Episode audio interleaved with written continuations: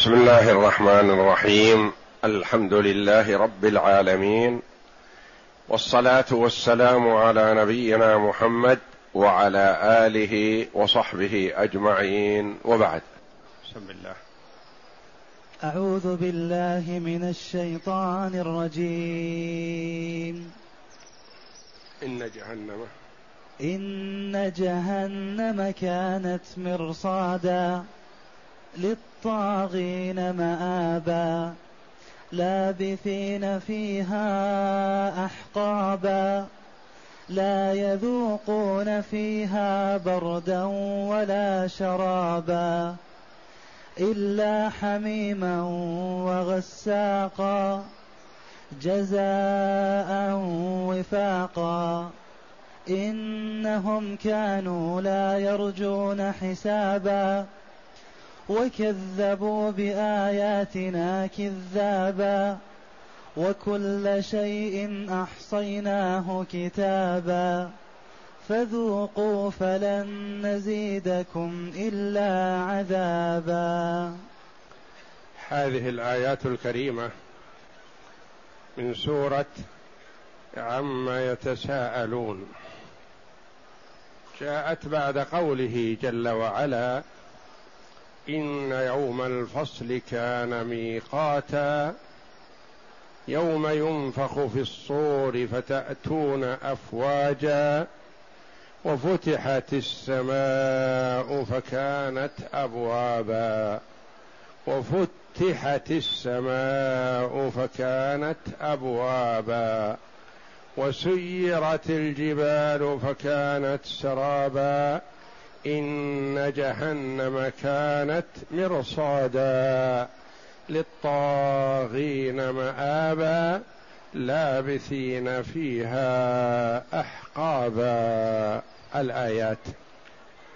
تقدم الكلام على صدر الآيات وأن الله جل وعلا يقول إن يوم الفصل كان ميقاتا لأن صدر السورة في تساؤل الكفار عما يقوله محمد صلى الله عليه وسلم من أمر البعث والجنة والنار وما يدعو إليه عليه الصلاة والسلام من توحيد الله جل وعلا والتصديق برسالته صلى الله عليه وسلم ولأن صدر السورة في الاستدلال على الكفار بقدرة الله جل وعلا وعظمته ولفت الأنظار إلى عظيم مخلوقاته سبحانه وتعالى توعدهم جل وعلا بقوله إن يوم الفصل كان ميقاتا إلى أن قال إن جهنم كانت مرصادا للطاغين مآبا. وهذا تقدم الكلام عليه أمس. قوله جل وعلا لابثين فيها أحقابا. لابثين بمعنى مقيمين هي مأواهم. إن جهنم كانت مرصادا للطاغين مآبا يعني يرجعون إليها ويؤوبون إليها. لكن هذه الأوبة أهي أيام كما زعم اليهود لن تمسنا النار إلا أياما معدودة. أم هي أشهر؟ أم سنين. أم ماذا ستكون؟ قال جل وعلا لابثين فيها أحقابا. اختلف العلماء رحمهم الله تعالى في الحقب. ما هو؟ الأكثر على أن الحقب ثمانون سنة والسنة اثنا عشر شهرا. والشهر ثلاثون يوما. واليوم من تلك الأيام كألف سنة مما تعدون. ثم هل لها نهاية؟ هل قال جل وعلا بعدد الأحقاب؟ لا لابثين فيها أحقابا. ما تنتهي. ما يفهم منه النهاية. عقابا كلما انتهى حقب عقبه حقب آخر وهكذا. حقب وحقب. حقب مفرد. وحقب جمع.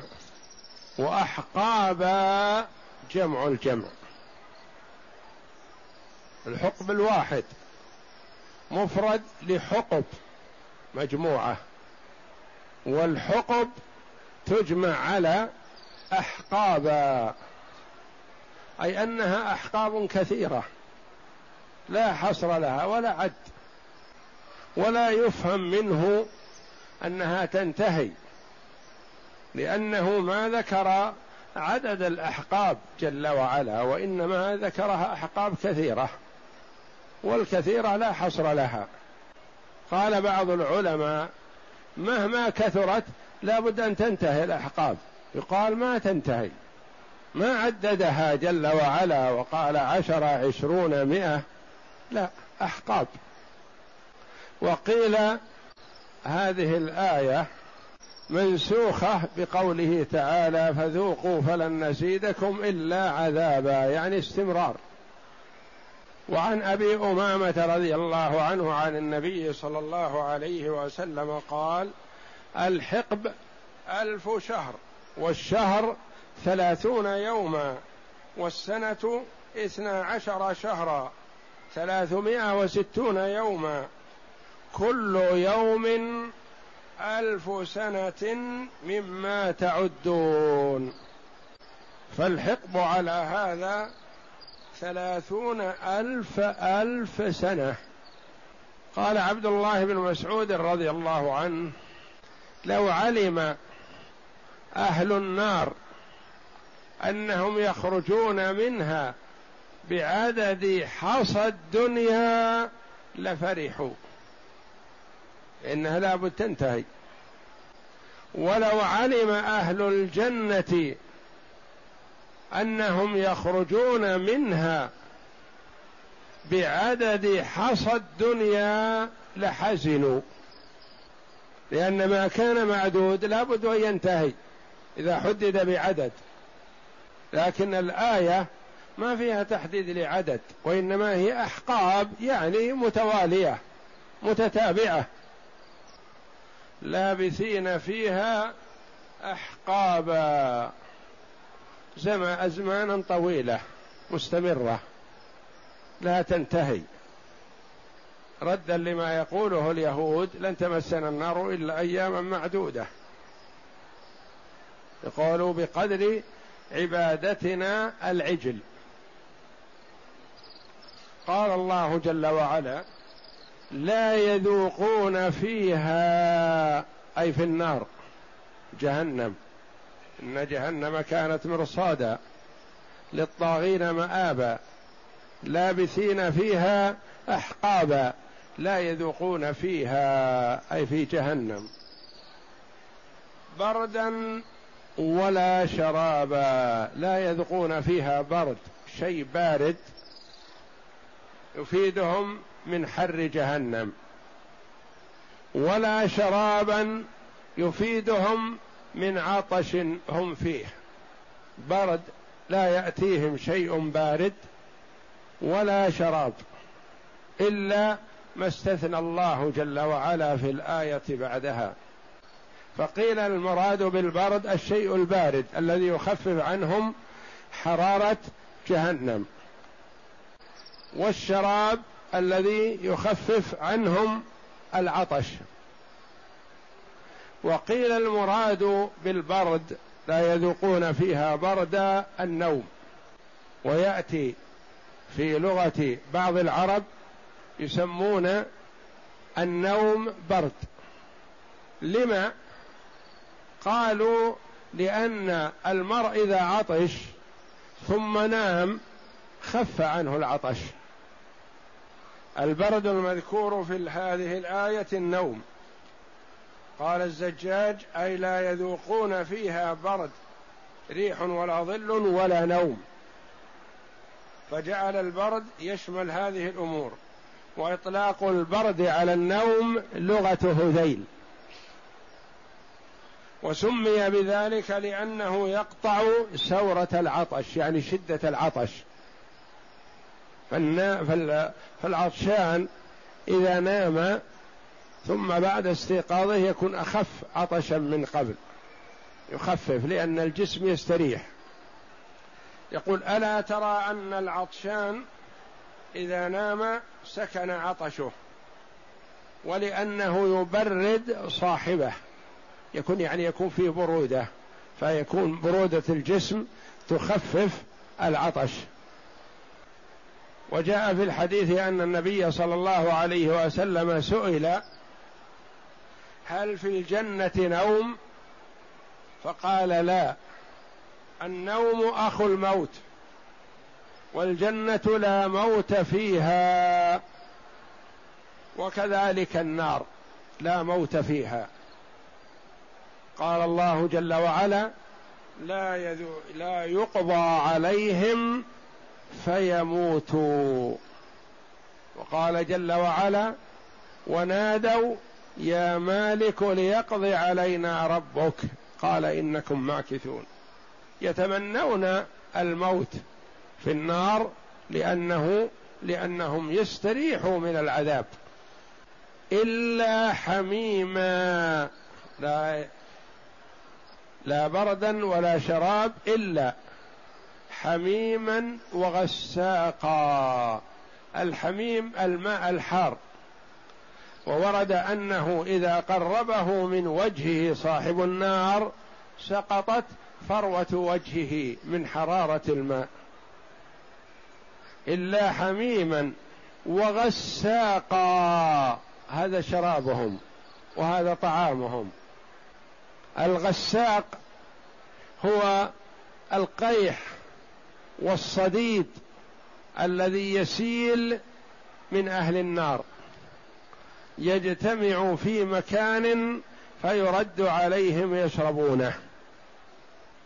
إلا حميما وغساقا. كأن قائلا يقول يا ربي ما هذا العذاب الأليم؟ فقال الله جل وعلا جزاء وفاقا. موافق لذنبهم وعملهم السيء. أعظم ذنب هو الشرك بالله. فاستحقوا عليه أعظم العذاب في نار جهنم جزاء وفاقا بخلاف عطاء الله جل وعلا لأهل الجنة عطاء حسابا كرم وجود. أما هذا جزاء وفاقا موافق لعملهم. عصوا الله جل وعلا بأعظم ذنب فاستحقوا أعظم العقاب وهو نار جهنم والعياذ بالله. جزاء وفاقا لأن الله جل وعلا لا يظلم الناس شيئا. وقد أقام جل وعلا الحجة على العباد وبين لهم المآل وبين لهم الطريق الموصل إلى الجنة. وبين لهم الطريق الموصل إلى النار. ووهب جل وعلا العقول التي يميز بها المرء في أمور دنياه لا يغلب. وأرسل جل وعلا الرسل وأنزل الكتب لئلا يكون للناس على الله حجة. ما يستطيع أن يحتج فيقول ما أنذرت. ما علمت أن هذا مآل الكافرين وإلا كان ما كفرت. بين جل وعلا المآل لذي البصيرة كأنه رأي عين. فأقام جل وعلا الحجة على الخلق بإرسال الرسل وإنزال الكتب والبيان والإيضاح واهبة العقل انا هديناه السبيل إما شاكرا وإما كفورا. وهديناه النجدين بينا له طريق الخير وطريق الشر. جزاء وفاقا أي موافقا لأعمالهم على قدر عملهم على قدر الجرم والذنب الذي اقترفوه. فهم اقترفوا أعظم ذنب فاستحقوا أعظم عقاب. اقرأ. يقول تعالى إن جهنم كانت مرصادا يعني أنه لا يدخل أحد الجنة حتى يجتاز بالنار فإن كان معه جواز نجا وإلا احتبس. لابثين فيها أحقابا أي ماكثين فيها أحقابا وهي جمع حقب وهي المدة من الزمان وقد اختلفوا في مقداره. فقال ابن جرير قال علي بن أبي طالب لهلال الهجري ما تجدون الحقب في كتاب الله؟ قال نجده ثمانين سنة كل سنة اثنا عشر شهرا كل الحقب الواحد ثمانون سنة. والسنة اثنا عشر شهر والشهر ثلاثون يوما واليوم كألف سنة من أيام الدنيا.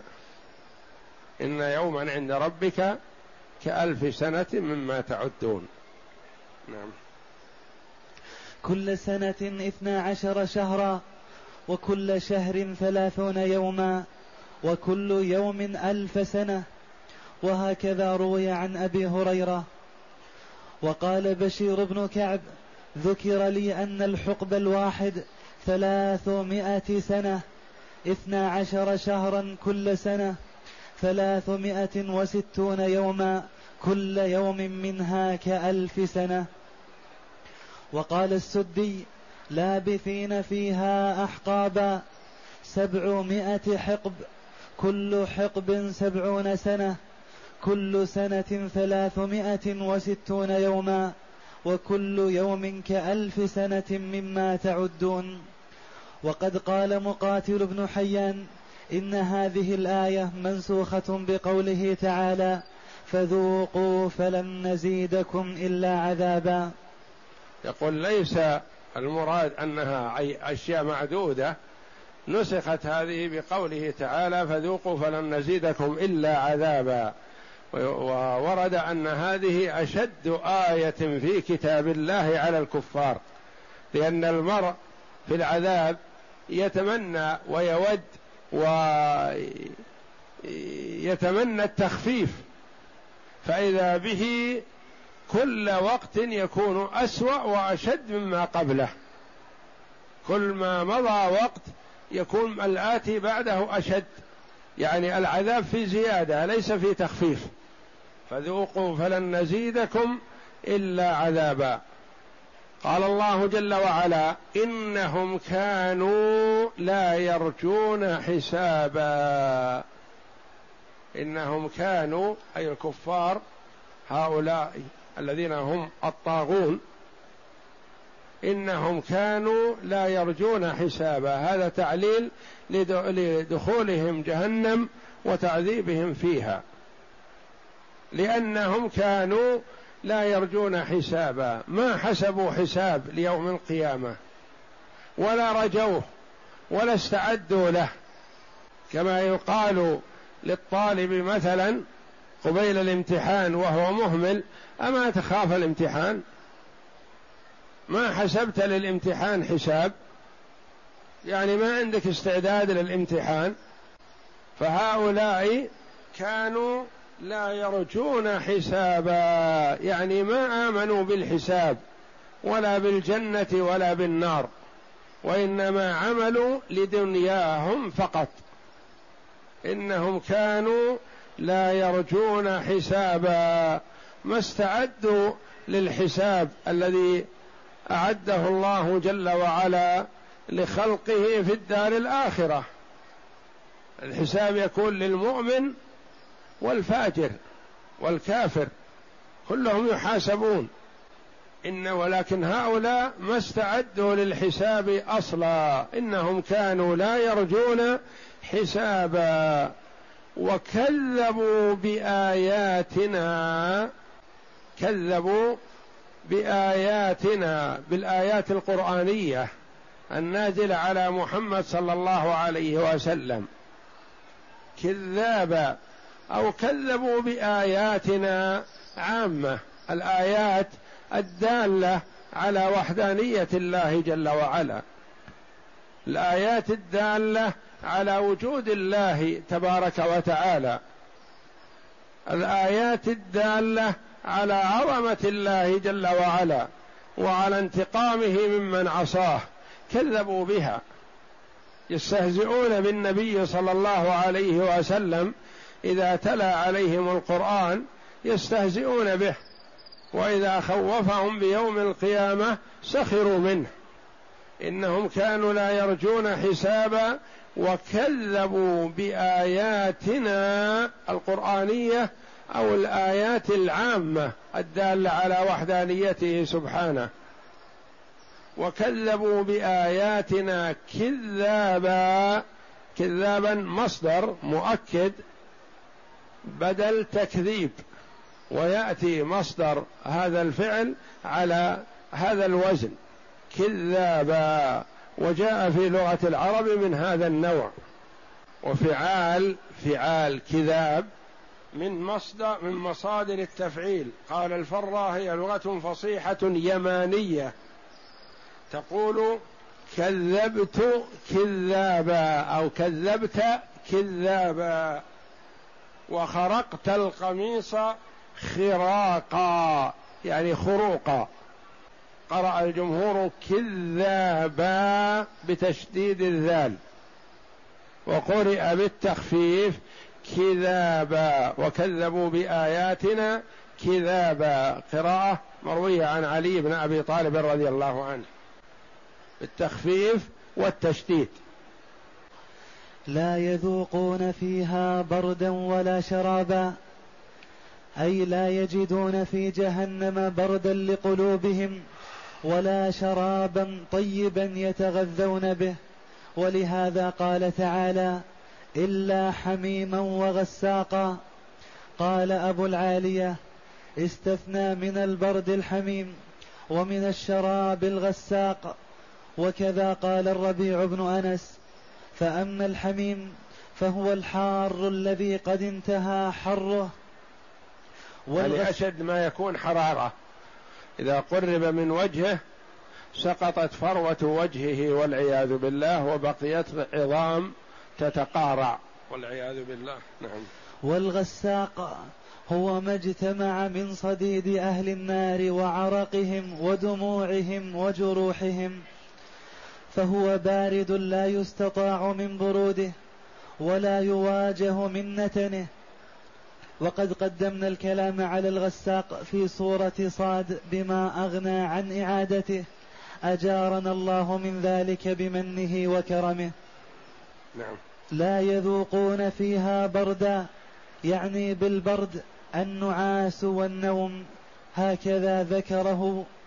وقد رواه ابن أبي حاتم من طريق السدي وحكاه البغوي جزاء وفاقا أي هذا الذي صاروا إليه من هذه العقوبة وفق أعمالهم الفاسدة التي كانوا يعملونها في الدنيا.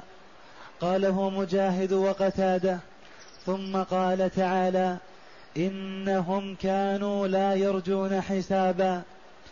أي لم يكونوا يعتقدون أن ثم دارا يجازون فيها ويحاسبون وكذبوا بآياتنا كذابا أي كانوا يكذبون بحجج الله ودلائله على خلقه التي أنزلها على رسوله التي أنزلها على رسوله صلى الله عليه وسلم فيقابلونها بالتكذيب والمعاندة.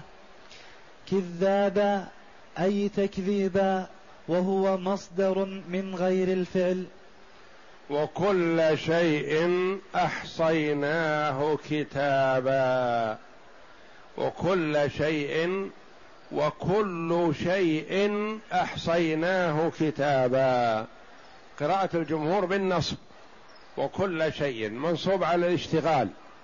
يعني أن الفعل الذي بعده اشتغل بالضمير وكل شيء أحصيناه وكل أحصيناه أحصينا هذا الفعل. ولم يفعل في في الاسم السابق وإنما انشغل بالضمير عنه أحصيناه الهاء هاء الضمير. يقال منصوب على الاشتغال. أو بالرفع على الابتداء يعني أنه مبتدأ وكل شيء أحصيناه. تكون الواو حرف عطف جملة على جملة كل مستأنفة. يعني كل مبتدأ وشيء مضاف إليه أحصيناه هذا الخبر. كل شيء أحصيناه كتابة. يعني أن الله جل وعلا أحصى أعمالهم. وضبطها واطلع عليها سبحانه وتعالى وجازاهم بها. فمن يعمل مثقال ذرة خيرا يره ومن يعمل مثقال ذرة شرا يره. والله جل وعلا لا يظلم الناس شيئا ولا يظلم مثقال ذرة سبحانه وتعالى وإنما يجازي العبد بعمله. والحسنات يزيد فيها جل وعلا لأنه كرم والسيئات لا يزيد فيها وإنما يعطي مقابل السيئة ما بقدرها وحسبها عقوبة. والحسنة يضاعفها سبحانه وتعالى لأن مضاعفة الحسنات كرم. ومضاعفة السيئات ظلم. والله جل وعلا منزه عن الظلم. وكل شيء من الأعمال التي عملوها في الدنيا هي محصاة. أحصيناه ضبطناه مدون. كتابا يعني مكتوب. مكتوب في اللوح المحفوظ. أو مكتوب كتبه الحفظة. الذين مع الإنسان يصاحبونه. يكتبون الحسنات والسيئات. وكل شيء أحصيناه كتابا وكلمة كتابا منصوبة والنصب عليه أي احصاء لأن كتابة بمعنى إحصاء يعني كتابة لأن الإحصاء يكون بالكتابة. فجاء المصدر من المعنى لا من اللفظ. مصدر مؤكد. وكل شيء أحصيناه بدل إحصاء قال جل وعلا كتابا. وكل شيء أحصيناه يعني في الكتابة. أو منصوب على الحال. وكل شيء أحصيناه حالة كونه مكتوب. مدون. ما في مجال للزيادة والنقص أو النسيان. وكما قال الله جل وعلا وكل شيء في أحصيناه في إمام مبين يعني مكتوب واضح جلي محصن على العباد. فذوقوا فلن نزيدكم إلا عذابا. فيها تبكيت. وتوبيخ للكفار وزجر لهم عن طلب التخفيف. فذوقوا العذاب الذي تستحقونه. فلن نزيدكم إلا عذابا. يعني لا نخفف عنكم ولا تستحقون شيئا من التخفيف لأنكم عصيتم الله جل وعلا بأعظم ذنب. وهو الشرك. وأظلم الظلم الشرك. لأن صرف حق المخلوق لمخلوق آخر ظلم. ولا شك تأخذ حق زيد وتصرفه لعمر هذا ظلم.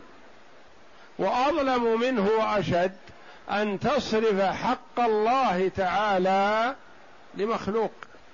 صرف حق المخلوق للمخلوق ظلم وصرف حق الله جل وعلا لمخلوق أظلم الظلم وأشده وافظعه فاستحقوا أشد العذاب.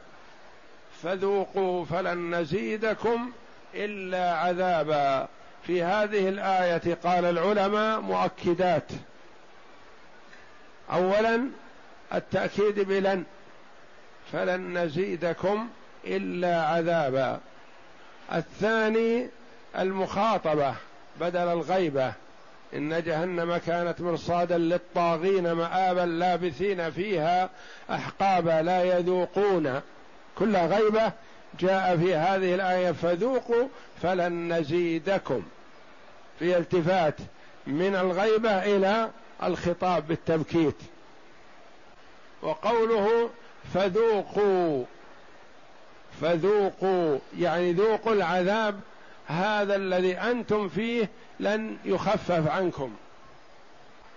والفاء هذه تسمى فاء السببية يعني أن ما بعدها مسبب عما قبلها يعني أنه حصل منهم الكفر والضلال فاستحقوا ما بعد الفاء. فذوقوا فلن نزيدكم إلا عذابا. وكل شيء أحصيناه كتابا. أي وقد علمنا أعمال العباد كلهم وكتبناها عليهم وسنجزيهم على ذلك. إن خيرا فخير وإن شرا فشر. فذوقوا فلن نزيدكم إلا عذابا. يقال لأهل النار ذوقوا ما أنتم فيه. فلن نزيدكم إلا عذابا من جنسه وآخر من شكله أزواج. قال قتادة كما قال الله جل وعلا كلما خبت زدناهم سعيرا. كلما ضعف حر النار زادت. وكلما نضجت جلودهم بدلناهم جلودا غيرها. قال قتادة عن عبد الله بن عمرو لم ينزل على أهل النار آية أشد من هذه الآية فذوقوا فلن نزيدكم إلا عذابا. وقال ابن أبي حاتم سئل عن أشد آية في كتاب الله على أهل النار. قال قال رسول الله صلى الله عليه وسلم فقرأ فذوقوا فلن نزيدكم إلا عذابا. كلما استغاثوا من نوع من أنواع العذاب زيدوا بأشر شد منه وأحر والعياذ بالله. نعم. والله أعلم. وصلى الله وسلم وبارك على عبده ورسول نبينا محمد وعلى آله وصحبه أجمعين.